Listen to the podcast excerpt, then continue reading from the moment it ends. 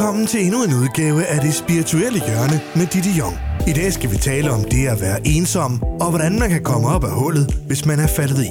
Der kan være mange grunde til, at man føler sig ensom, og i dagens afsnit taler Ditte om forskellige årsager og løsninger på problemet. Hej og velkommen tilbage til min podcast, som i dag kommer til at handle lidt om ensomhed. Ensom, når man er alene med nogle evner.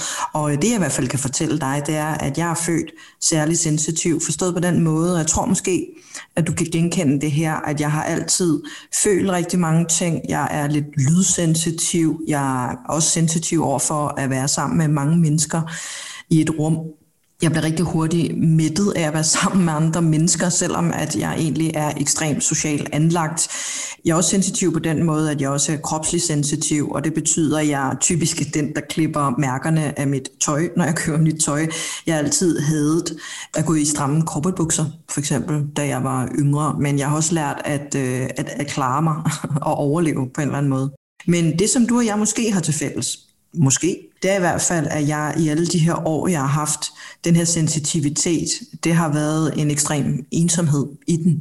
Fordi der er så meget, jeg gerne vil, og jeg altid følte mig anderledes i forhold til, at jeg havde mange veninder, der kunne meget mere end mig, synes jeg i hvert fald. De kunne være senere ude, og de kunne kapere og, og være til de her fester, og det kunne jeg sådan set også, men jeg må også sige, at jeg betalte også prisen for det. Jeg var træt, rigtig, rigtig skåret ind til benet træt dagen efter, og jeg tror også, på mange punkter er jeg egentlig overtrådt mine egne grænser for at prøve at være en lille smule normal. Men med den her sensitivitet, der følger jo og fulgte der jo også de her fantastiske evner, som jeg jo har valgt at gøre til min levevej i dag.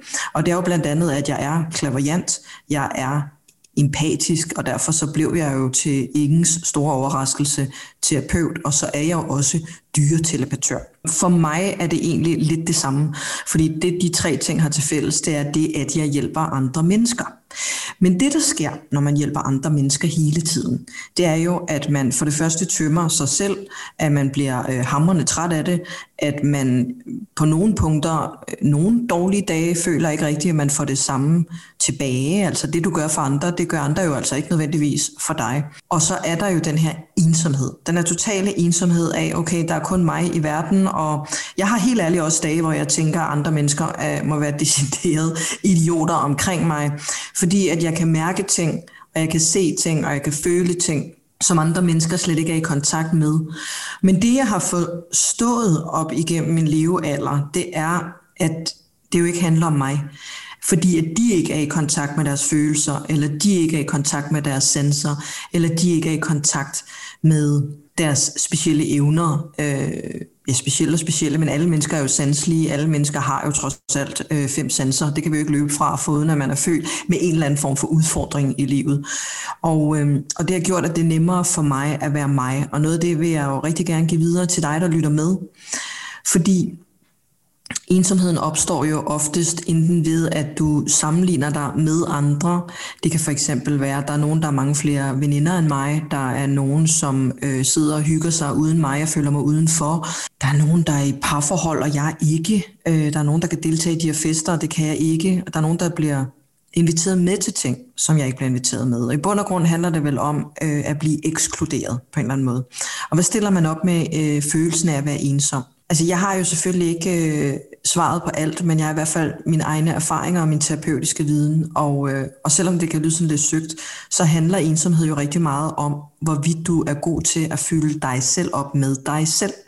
Og så ved jeg godt, at mange derude måske er de lidt ældre publikummer eller lyttere tænker, øh, stop dig selv, Ditte. Jeg har dyrket yoga nok nu. Jeg har gået til diverse madlavningskurser alene. Det fyldte mig sådan set heller ikke op, og jeg har set samtlige serier på Netflix, der er at se. Jeg føler mig stadigvæk freaking ensom. og til det der må jeg sige, at der bliver der stadigvæk lagt et ansvar over på andre at fylde dig op. Selvfølgelig så er vi flok dyr, øh, hvor at vi trives allerbedst og er mest trygge og mest sikre, når vi er en gruppe af mennesker. Det kan være veninder, kollegaer, øh, det at have en familie, den kender der helt klart selv. Men jeg vil også sige, at som årene er gået, så hviler jeg utrolig meget i mig selv og med mig selv. Og jeg tror, at det er et af de vigtigste punkter, der er, hvorvidt kan du holde dig selv ud. Og der kan man sige, at covid-19 har, har virkelig pirket til hvordan man var i stand til at hvile i sig selv. Og det, der blev øh, meget tydeligt for mig, når mange af mine bekendte eller tætte på mig beklagede sig over, hvor hårdt den her øh, lockdown og isolation var, at jeg, at jeg på mange punkter faktisk nød den. Og jeg ved ikke, om du kan genkende det her med, at, øh, at det på nogle punkter er helt forfærdeligt, at Danmark er åbnet op, og nu er der mange mennesker i trafikken, der er mange mennesker ude på restauranterne igen. Nogen, altså det kan jeg i hvert fald selv genkende, at jeg var ude på en restaurant og en bar her øh, for nogle uger siden, hvor at folk nærmest sådan øh, snublede over hinanden op i baren, og det var ikke noget, jeg tog notits af før, før covid-19, men jeg kan love dig for, at det var noget, øh, jeg gjorde nu. Jeg begyndte at lægge mærke til, om folk holdt afstand fra mig, og, og det gik også op for mig, at en ting er, at corona har hjulpet til med det her, men også hvor meget jeg har brug for mit eget personlige rum. Og mit personlige rum handler egentlig ikke kun om, om folk må komme tæt på mig rent fysisk og røre ved mig. Det handler også om at have mit eget space, hvor jeg bare er mig, og det er kun mig, der ved, hvordan jeg kan forkæle mig. Øh, min nærmeste kan prøve at forkæle mig, så godt de kan, og det gør de øh, virkelig også godt. Men det er faktisk kun mig, der ved præcis, hvad en ditte ditte aften består af i bund og grund, eller en, en majdag består af, lige præcis på min måde i det tempo, som jeg ønsker det i. Og det håber jeg sådan, at du vil tage til dig, at det er selvkærlighed af den helt store. Jeg har sådan tænkt meget over, at i de sidste 10 år, 20 år, så er det blevet sådan ekstremt populært at tale om, at vi skal have et højt, højt selvværd. Så det er der rigtig mange unge mennesker, øh, også voksne, som har dyrket det med højt selvværd. Men jeg vil også sige, at jeg synes på mange punkter, at selvværd bliver misforstået lidt og misfortolket til høj selvtillid. For er du sindssyg, hvor har vi produceret mange mennesker, der har meget, meget høj selvtillid, og det betyder også, at de har et meget højt ego. Men det er ikke ens betydende med at hvile i sig selv, og at elske sig selv, og at kunne drage kærlighed og omsorg for sig selv. Nej, nej, i stedet for, så har vi jo produceret en generation af, af folk med øh, håret tilbage og og hvad så der, og, øh, og nærmest gå catwalk øh, ned ad gangene på øh, CBS og alle mulige andre uddannelsesinstitutioner, hvor det er også fantastisk at se så mange unge mennesker have så høj selvtillid. Det, der opstår i det felt, øh, og det øh, kan i hvert fald fortælle som terapeut, jeg hjælper mange, mange unge mennesker med, det er, at øh, de desværre også opnår en form for identitetskrise, forstået på den måde, at når de unge mennesker. Måske er det dig, måske er det dine børn. Jeg ved det ikke. Måske kan det være, at du slet ikke er nået der til nu. Det er, at når de skal ud og finde ud af, hvem de er, øh, så bliver det ikke længere serveret for dem. De øh, skal ind og søge ind på nogle uddannelser. Måske kommer de ikke ind.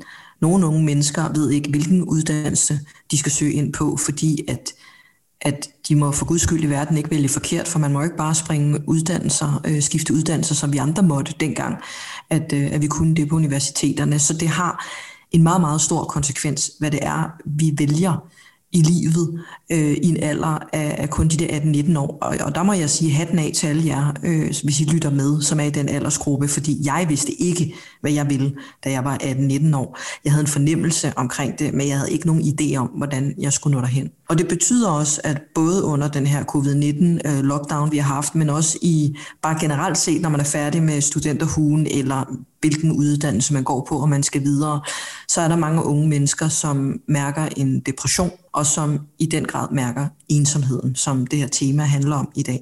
Og der er ikke noget at sige til, at du bliver, hvis du er en af dem, der kan genkende det her, alene og ensom med dine tanker om, hvem du er, hvad du er, hvad du skal, og kan du overhovedet finde ud af det. For det første, så er vi jo opdraget af vores forældre til at analysere tingene. Der er vi også på, på, på diverse uddannelsesinstitutioner. Vi skal analysere alting og indevende alting. Hvad betyder den her tekst? Altså kan blive så træt og tænke, og, og helt ærligt, og hvad så, hvad den her tekst betyder. Det er altså individuelt. Og så kan vi få høje karakterer for en eller anden fortolkning af et billede, eller en tekst, eller et digt, eller en religion, eller et citat, eller et eller andet andet. Og der er ikke noget at sige til, at når vi over så mange år blev undervist og opdraget i at skulle analysere alt, hvad vi gør, så stopper vi med at være intuitive. Og det, der er at være intuitiv, det er at gøre det, du har lyst til. Det betyder, at hvis du føler for noget, og du bliver glad ved det, ved du hvad, så har jeg det sådan her, just fucking do it. Fordi det er dit life mission, dit calling, det er, nu bliver det spirituelt, men det hedder også det spirituelle hjørne, universets vej, hvor at du vil opleve, at tingene glider for dig, hvis du tør gøre det. Men for mange af jer, der vil I også opleve, at det I har allermest lyst til at gøre, og nu taler vi om realistiske mål, vi taler jo ikke om at sætte sig op i en raket til månen i morgen, vel?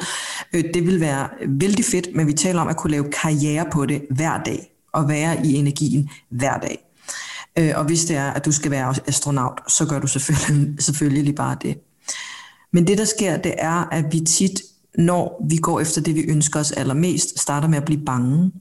Vi bliver ikke støttet op omkring det, vi gerne vil. Og, og der skal du altså vide, jeg sagde for 22 år siden, at jeg kunne tale med dyr. Der havde man altså hverken kiropraktorer eller noget som helst. Det var ikke super alternativt, og akupunktørerne på det tidspunkt kæmpede en kamp for, at de øh, praktiserede noget, man har praktiseret i årtusinder i Kina. Men det der, øh, lort. Det troede man altså ikke på i dagens Danmark. I dag er det sådan, at akupunktører er anerkendte. Zoneterapeuterne er også kommet med nu. Wow, tænker jeg bare. Øh, 20 år senere. Mange læger og jordmødre praktiserer jo akupunktur i dag for at hjælpe med at smertelindre.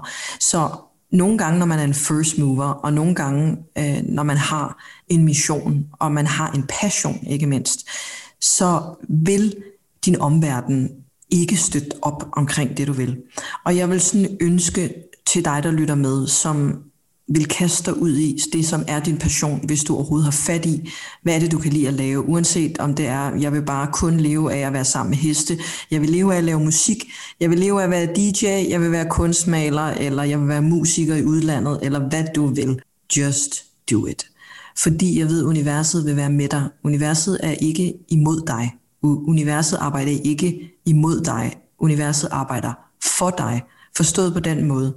Universet vil altid dit højeste bedste. Og så kan det godt være, at dine forældre tror, at det vil være bedst for dig at læse medicin. Det kan også være, at du selv i dit ego tror, at det er bedst at blive på den arbejdsplads, du er på, selvom du ikke trives. Altså noget af det, som jeg synes er interessant, der bliver spurgt meget om, især efter det her med, med corona, det er jo selvfølgelig, hvilke forudsigelser jeg har fået ned omkring, hvorfor at covid-19 opstod, og, og det, det, det vil jeg helt ærligt helst holde mig fra, fordi jeg kunne hurtigt lyde som en eller anden sølvpapirshat. Jeg har også lavet en anden, øh, en anden podcast omkring det her emne, øh, som handler om, hvad har covid-19 egentlig gjort for os. Og den synes jeg virkelig, du skal lytte til, fordi hold da chef, mand, den har gjort meget for os i bund og grund. Fordi det, den har gjort, det er, at den har fremprovokeret eller trykket på speederen alle de ønsker og forandringer, vi havde. Vi, vi følte bare ikke, at vi var klar til at, at tage dem. Og det blev vi så lige pludselig tvunget til. Altså når jeg kigger tilbage på alle dem, jeg kender, øh, selvfølgelig ikke dem, der er gået konkurs, men der er jeg faktisk også overbevist om, at der er noget til et højere bedste for dem af jer, der desværre måtte lukke forretninger og sådan nogle ting. Men jeg er ikke så kun i tvivl om, at alle dem, der kæmper og knokler for at overleve stadigvæk i de her efterdønninger, for det her er ikke overstået, inklusive min egen lille forretning. Det er nogle tiltag, der er kommet for at blive, der har gjort det bedre for os alle sammen, hvis vi vælger at kigge sådan på det. For lige at vende tilbage til ensomheden i alt det her, så synes jeg, at det at gå efter min egen passion har været en ekstrem ensom rejse. Nu har jeg lige nævnt, at, øh, at jeg var ja, helt ærlig en af de første i Danmark, der sagde, at dyr kunne kommunikere, og måske havde det været nemmere, hvis jeg havde sagt, at man kunne fornemme dyr, og dyr kunne fornemme os. Men jeg tænker svisken på disken. Jeg kan lige så godt kalde det for, hvad det er. De taler, de visker, de sender energi følelser og alt muligt andet, emotioner, som, som jeg kunne opsnappe, og det er jeg også sikker på, at du kan. Og det at gå ud med det i et offentligt rum, øh, nu har jeg været meget privilegeret, at at der er skrevet mange artikler om mig igennem årene, og, og jeg har været med i noget fjernsyn og noget halløj. Øh, og og det, er ikke, det er ikke mig, der har bedt om det. Det er, det er lidt ligesom om, at jeg får ikke lov til at slippe for det her arbejde. Øh, jeg er blevet spurgt hver evig eneste gang, om jeg vil deltage i de her ting, og, og guderne skal vide, jeg har prøvet at sige mit job op rigtig mange gange, fordi jeg synes, det var for hårdt at stå alene omkring øh, en livsmission, og, og på mange punkter en passion også, uden opbakning.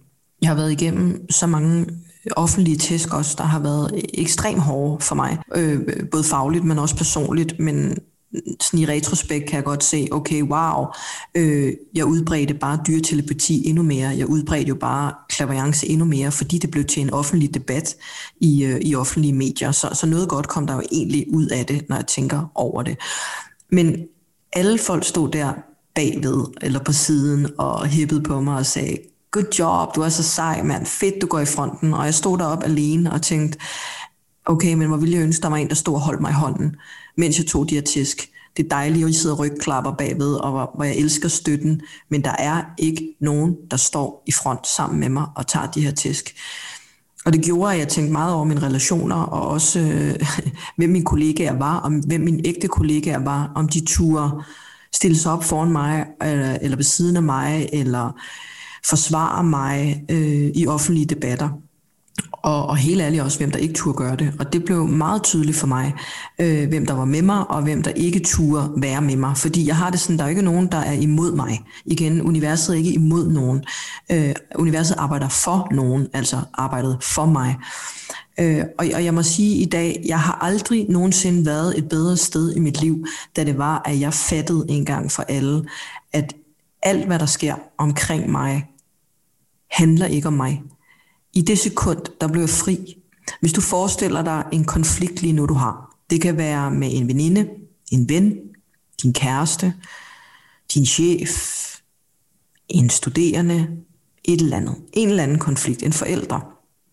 Hvis du tænker over konflikten, så tænk over, hvad er det, den person eller situation får dig til at føle? Det er højst sandsynligt en følelse såsom vred, forkert, ked af det, øh, alene, måske frustreret. Der kan være mange ord på forskellige følelser. Det er sådan, vi har faktisk kun fem grundfølelser, øh, hvis man kigger terapeutisk på det, hvoraf fire af dem er negative, og en er positiv. Og det, det, det, det er sgu lidt op ad bakke, at øh, der er ikke noget at sige til, at at vi danskere næsten altid kigger på, at glasset er halvt tomt, i stedet for halvt fyldt, fordi vi faktisk opdraget til, til det. Og hvis du tænker over det, vi er fælles med andre mennesker om, så er det også at sidde og bagtale andre mennesker, eller tale shit om et eller andet, vi synes er for dårligt. Det er svært at holde en samtale i gang om noget, der er helt vidunderligt. Altså, det, havde du haft en god sommerferie? Ja, den var fantastisk. Jamen, vores var simpelthen også fantastisk. Punktum. Øh, men så kan man tale om et eller andet rigtig problematisk. Og det er jo dejligt, for så kan man analysere det sammen, og man kan være fælles om noget. Men, men jeg kunne godt tænke mig, at der altid kom noget positivt i enden. Noget, der var mere high vibe, når vi diskuterede noget sammen med vores nærmeste. Men hvis du tænker over situationen og den følelse, situationen eller, eller personen gør ved dig eller giver dig, så prøv at tænke rigtig grundigt efter, om den person eller situation virkelig 100% bevidst er ude efter dig. Er din mor eller far ude på at gøre livet meget surt for dig? Hvis du er teenager, så svarer nok ja. Men hvis du nu tænker grundigt, rigtig grundigt over det, er din kæreste ude på om morgenen og gør livet mega surt for dig, eller kan det være, at han selv bakser med noget, han lader gå ud over dig? Stiller dine forældre nogle krav til dig, fordi de selv har nogle principper eller opdraget på en bestemt måde, som de selvfølgelig prøver at bære videre til dig? Er en af dine veninder urimelig over for dig, fordi hun er jaloux på dig, eller måske savner dig? Er øh, en af dine medstuderende super frustrerende at være sammen med lige nu, fordi at du føler, at hun stræber højere, end du gør, eller omvendt osv. Kan du se, hvad jeg mener med det? Der er ikke, der er ikke noget af det her, der i bund og grund handler om dig. Så er vi tilbage til ensomheden, og hvorfor det er så vigtigt, det at fylde dig selv op. Der er, I'm sorry to say, ikke nogen, der kommer og redder dig. Og det går ikke over af sig selv, det at sidde og være ensom. Og nu skal jeg fortælle dig, hvorfor. Det er fordi, at hjernen, når vi tænker en tanke, så skal du forestille dig, at du står på ski, og øh, for hver tankebane, du laver op i hjernen, der er det helt neurologisk bevist, så bliver der sendt noget strøm fra din hjerne og øh, nervebaner øh, og kranielle nerver ned til dine organer. Og baseret på den følelse, du tænker, når du tænker tanken, så bliver der frigivet et hormon. Så det, du skal tænke på, alt hvad du tænker, starter med tanken plus følelsen, er lige med hormon. Hormon kan være, yay, endorfiner, eller adrenalin, eller kortison, jeg er langtidsstresset, jeg er ved at være udbrændt. Der kan ske alle mulige forskellige kemiske reaktioner inde i din krop, som du ikke er herover, for det starter med tanken. Og hvis du forestiller dig, tanken er et skispor, du bliver ved med at stå i og stå i og stå i, så bliver det skispor bare dybere og dybere, hvis du står på langrand. Og for hver dag, du tænker den samme ting, så bliver sporet dybere, og det bliver svært, rigtig svært, når du har gravet det spor 10 meter ned i sneen, at hoppe ud af det igen. Så nej, tro mig, sødskat, det går ikke bare over. Det eneste, der er, det er at hive dig selv op i nakken, og være taknemmelig for noget. Jeg må sige, det er nok det ord, jeg har hadet allermest igennem mit liv, for jeg har fået at vide rigtig mange gange igennem min barndom, at jeg skulle være taknemmelig for at være i Danmark. Øh, er du ikke taknemmelig for, at du er kommet til landet, fordi jeg er adopteret fra Korea? Er du ikke taknemmelig for, at du er vokset op i en dansk skole? Er du ikke taknemmelig for, at øh, du har tøj på kroppen? Og du skal jo tænke på at være lille pige og ikke kende andet. Øh, og aldrig har fået et valg om at komme til andre lande, for jeg må være helt ærlig, så er jeg ikke sikker på at valge Danmark, hvis jeg måtte vælge frit slag for alle hylder, da jeg var på børnehjem. Øh, så, så smager den altså rimelig grimt i munden at få at vide, at man skal være taknemmelig. Men i dag har jeg forstået, at med hjerterummet og kærligheden i det at være taknemmelig, der swiper det fuldstændig alle negative følelser væk. Hvis du mærker grundigt efter i din egen krop nu og tænker på noget, du er taknemmelig for. Det kan være en oplevelse, du har haft. Det kan være ting, situationer, materielle ting, mennesker, som du allerede har i dit liv, og du gerne vil beholde. Hvis du er så nede i kuldkælderen og så ensom, at du tænker, har vidderlig ikke noget at være taknemmelig for, jeg hader mit liv, jeg er ensom, lad mig være. Hmm. Så prøv at tænke grundigt over, om du har en seng at ligge i. Det er der faktisk mange andre, der ikke har. Eller tænk over, om, øh, om det er muligt at trække ud i toilettet, eller tabe vand fra en kold vandhane. Det, det, det burde du også være taknemmelig for, fordi hvis du har det så rocker som du måske har lige nu, når du ligger i en seng, øh, så kan jeg love dig for, at det vil være fuldstændig ulideligt, hvis du lå på gulvet nede i Indien lige nu. Ikke? Så kan vi ikke blive enige om, at der vil altid være noget, vi kan tvinge hjernen til at være taknemmelig for. Og jeg vil gerne give dig den challenge, hvis det er, at du mærker ensomhed. At du finder en, en anden ven eller veninde, eller kollega, øh, som vil være med på den her challenge med dig. Og det er, at hver evig eneste dag, så skriver I to sammen en eller bare please tre ting, du er taknemmelig for. Hvis ikke du kan trække tre ting ud af numsehullet, så trækker du bare en. Men du skal gøre det hver dag. Og hvis det er svært for dig, så nævner du bare den samme. Jeg er stadig glad for, at jeg kan trække i toilettet. Ja, i morgen er jeg også glad for, at jeg kan trække i toilettet. Halleluja. For lige pludselig, så begynder du at lave nye tankebaner op i hjernen, som genererer nye stoffer ned i din krop. Og det gør, at du begynder at blive fyldt op på en anden måde af ny energi. Og så er det, du begynder at få kræfter til at rejse dig op af din seng, eller ud af din ensomhed, ud af din passivitet, ud af din rigiditet, ud af din identitets, identitetskrise og vide, okay, jamen jeg, jeg har noget at være taknemmelig for. Og hvis du er i tvivl om, hvem du er, så vil jeg give dig det sidste råd med på vejen. Så øh, tænk over, hvad dine værdier er. Hvad er din værdisæt? Skriv dem ned. Er det vigtigt for dig, at der er retfærdighed i verden? Er det vigtigt for dig, at der er ligestilling? Er det vigtigt for dig at gå grøn? Er det vigtigt for dig at hjælpe de ældre? Er det vigtigt for dig, at man taler ordentligt? Et eller andet. Altså, alt det her, det er dig. Det at Hvem er du? Prøv at her, når man sidder til et selskab, og man spørger, nå okay, der er jo ikke nogen, der spørger, hvem er du? Nej, man bliver spurgt, hvad laver du? Det vil sige, at det, man arbejder med, lige pludselig bliver ens identitet. Så tror da helt ærligt fanden, at når ikke du har et arbejde, og du ikke længere har et studie, hvem er du så? Så er det klart, at du havner i tomhed, eller ensomhed. Det, det var et meget, meget bredt emne, øh, som både øh, kan ramme øh, de voksne lyttere, men, men det er selvfølgelig primært øh, til jer unge mennesker derude, som følger mig, og håber, øh, selvom det er måske et lidt tungere emne, at du har fået nogle rigtig, rigtig gode råd med på vejen i dag. Tak. Tak fordi du lyttede med til dagens udgave af Det Spirituelle Hjørne med Ditte Jong. Du kan lytte til mange flere af Dittis podcasts ved at besøge hendes portal dittejong.dk-portal. Du kan også høre med på det sted, hvor du plejer at lytte til podcast. Skulle du have spørgsmål, kommentarer eller idéer til emner til en podcast, er du velkommen til at skrive til Ditte på info